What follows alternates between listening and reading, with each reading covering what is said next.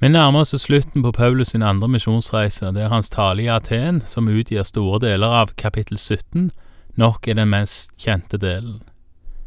Et annet kjennetegn med Paulus sin andre misjonsreise er at det er den første som går til Europa.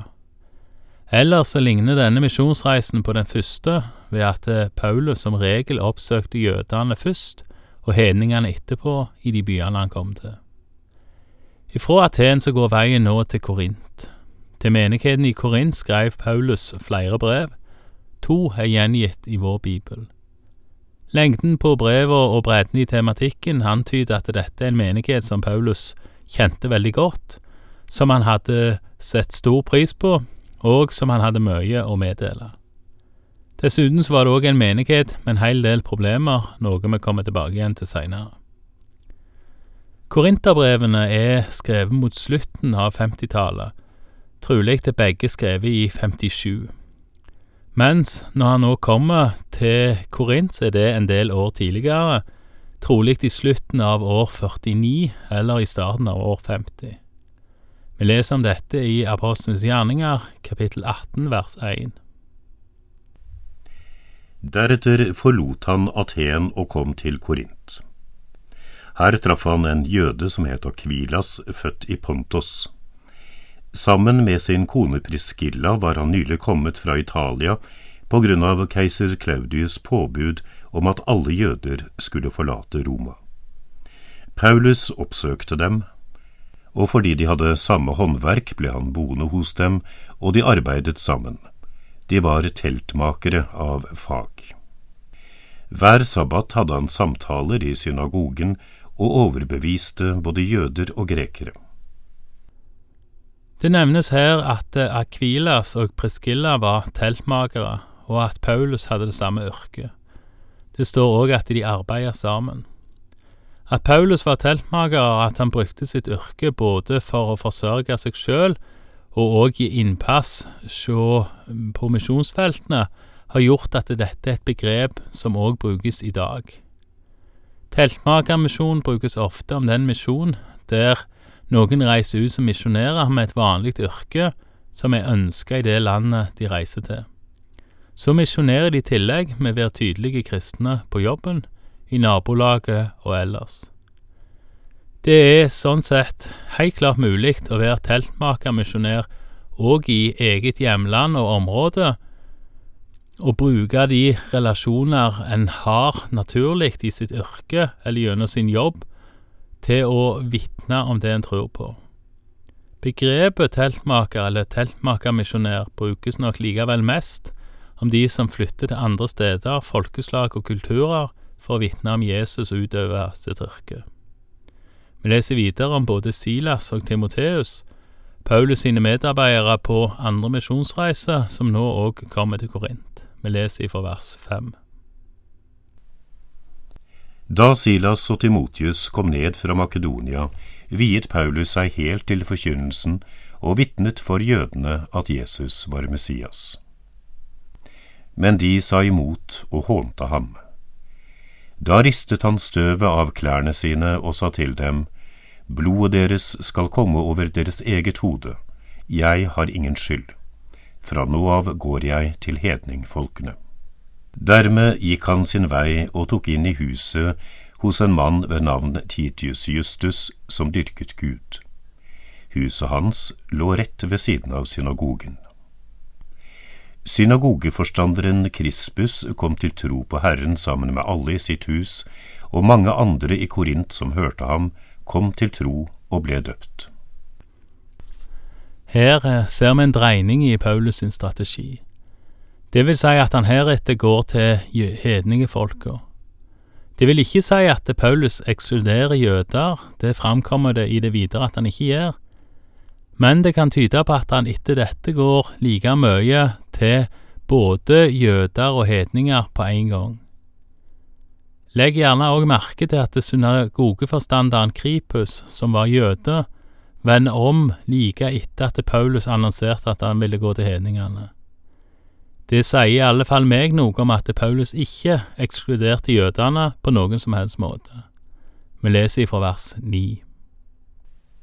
En natt sa Herren til Paulus i et syn, Vær ikke redd. Du skal ikke tie, men tale. Jeg er med deg, og ingen skal røre deg eller gjøre deg noe vondt, for i denne byen har jeg et tallrikt folk. Så ble han der halvannet år og lærte dem Guds ord. Paulus får i en drøm beskjed om å bli værende i Korint, noe som bryter litt med det som har vært vanlig til nå. Det vanlige som vi har lest, har vært ganske korte stopp, som har resultert i opptøyer og ofte flukt.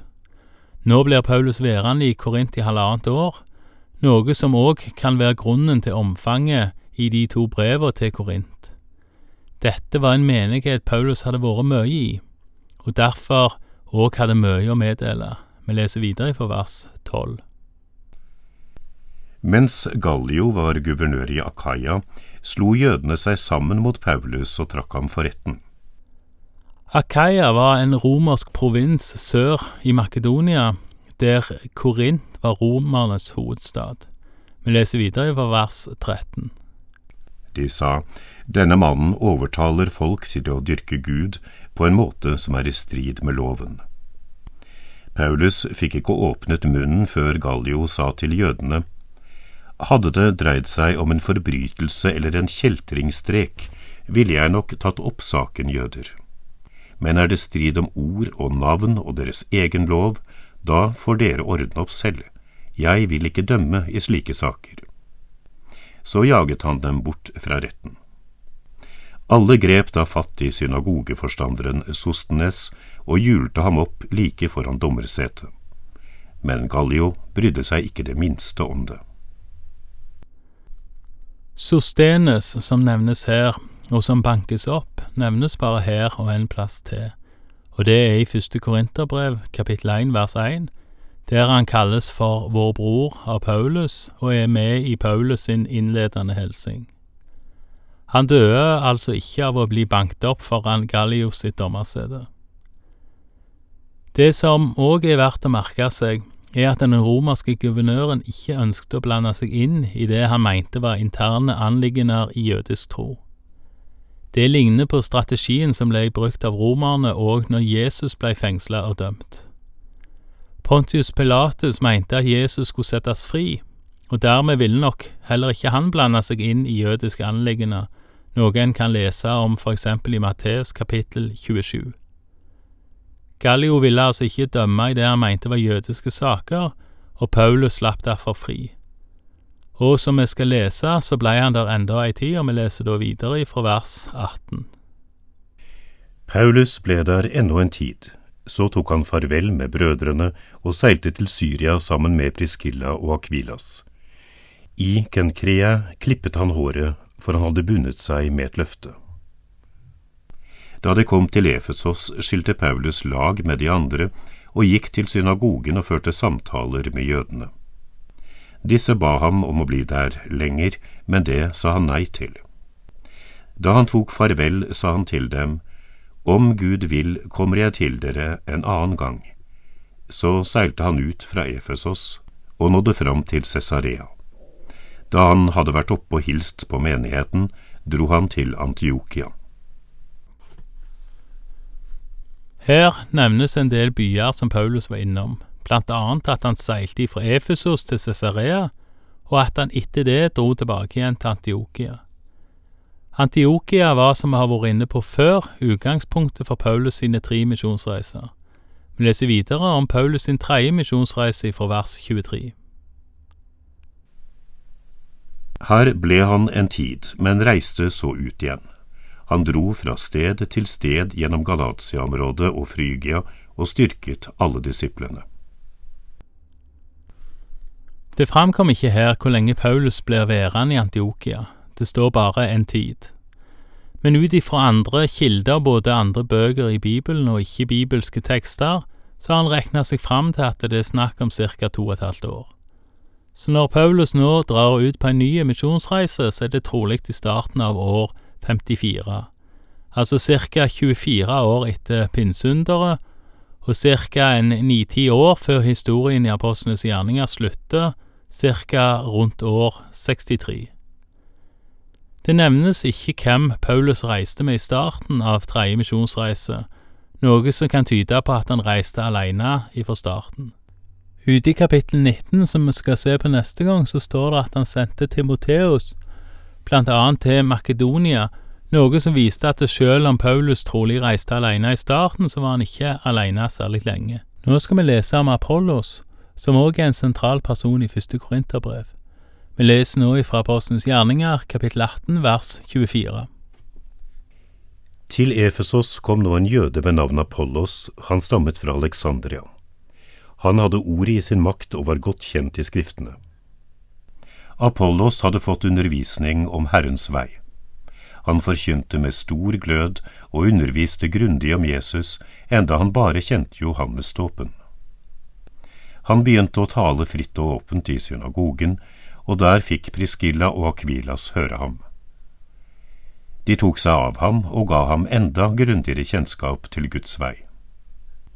Da han ønsket å reise til Akaya, oppmuntret brødrene ham og skrev til disiplene at de måtte ta imot ham. Han kom dit og ble ved Guds nåde til stor hjelp for dem som hadde kommet til tro. For han satte jødene ettertrykkelig på plass når han i åpent ordskifte beviste ut fra Skriftene at Jesus var Messias. Apollos var en omvendt jøde, men han var nok ikke kjent med alt, siden han kun kjente til Johannesdåpen, som det står i vers 25. Det var altså dåpen oppkalt etter døperen Johannes. Priscilla og Akvillas, altså Paulus sine medarbeidere i Korint, var nå flytta til nettopp Efesos og hjalp Apollos til rette der. Videre så står det at Apollos ble sendt til området Akaya, og da trolig til Korint. Det kan en òg som nevnt lese om i første Korinterbrev. Det står i det vi nettopp leste at Apollos var til stor hjelp for de som var kommet til tro. Det kan virke som det står i kontrast til splittelsen Paulus omtaler i første Korinterbrev, men det trenger ikke være tilfellet. Det kan være sånn at Apollos sjøl ikke forkynte det splittelse, men at det likevel kom til eh, partier eller splittelse i Korint. Paulus omtaler Apollos alltid positivt i sine brev, både når han mot slutten av første Korinterbrev kapittel 16 vers 12 sier at vår bror Apollos kommer til Korint igjen så fort han kan. Første Korinterbrev ble skrevet omkring våren 57 altså tre år seinere enn det vi nettopp leste. Paulus ber òg Titus om at eh, han skal se til at Apollos ikke mangler noe på reisen i sluttordet i Titus brev. Titus brev er sannsynligvis det nest siste brevet som Paulus skriver, altså skrevet mellom første og andre Timoteus brev, og da skrevet en gang mellom år 64 og 66. Altså etter at apostlenes gjerninger er ferdig nedskrevet, sannsynligvis. Det samme som vi leste om her, kan òg skje i våre dager. At noen etterfølgere lager partier eller splittelse, sjøl om den eller de som de følger, ikke tenkte det sånn. Da kan en lære av Paulus her. Han snakker varmt om Apollos, sjøl om noen andre mente at Paulus Kefas, altså mer kjent som Peter, og Apollos forkynte forskjellige lærere. Med andre ord, Paulus ser ikke ut til å gi Apollos skylda for splittelsen, men de som kom etter Apollos, og da òg etter Paulus. Takk for i dag, og Herren være med deg.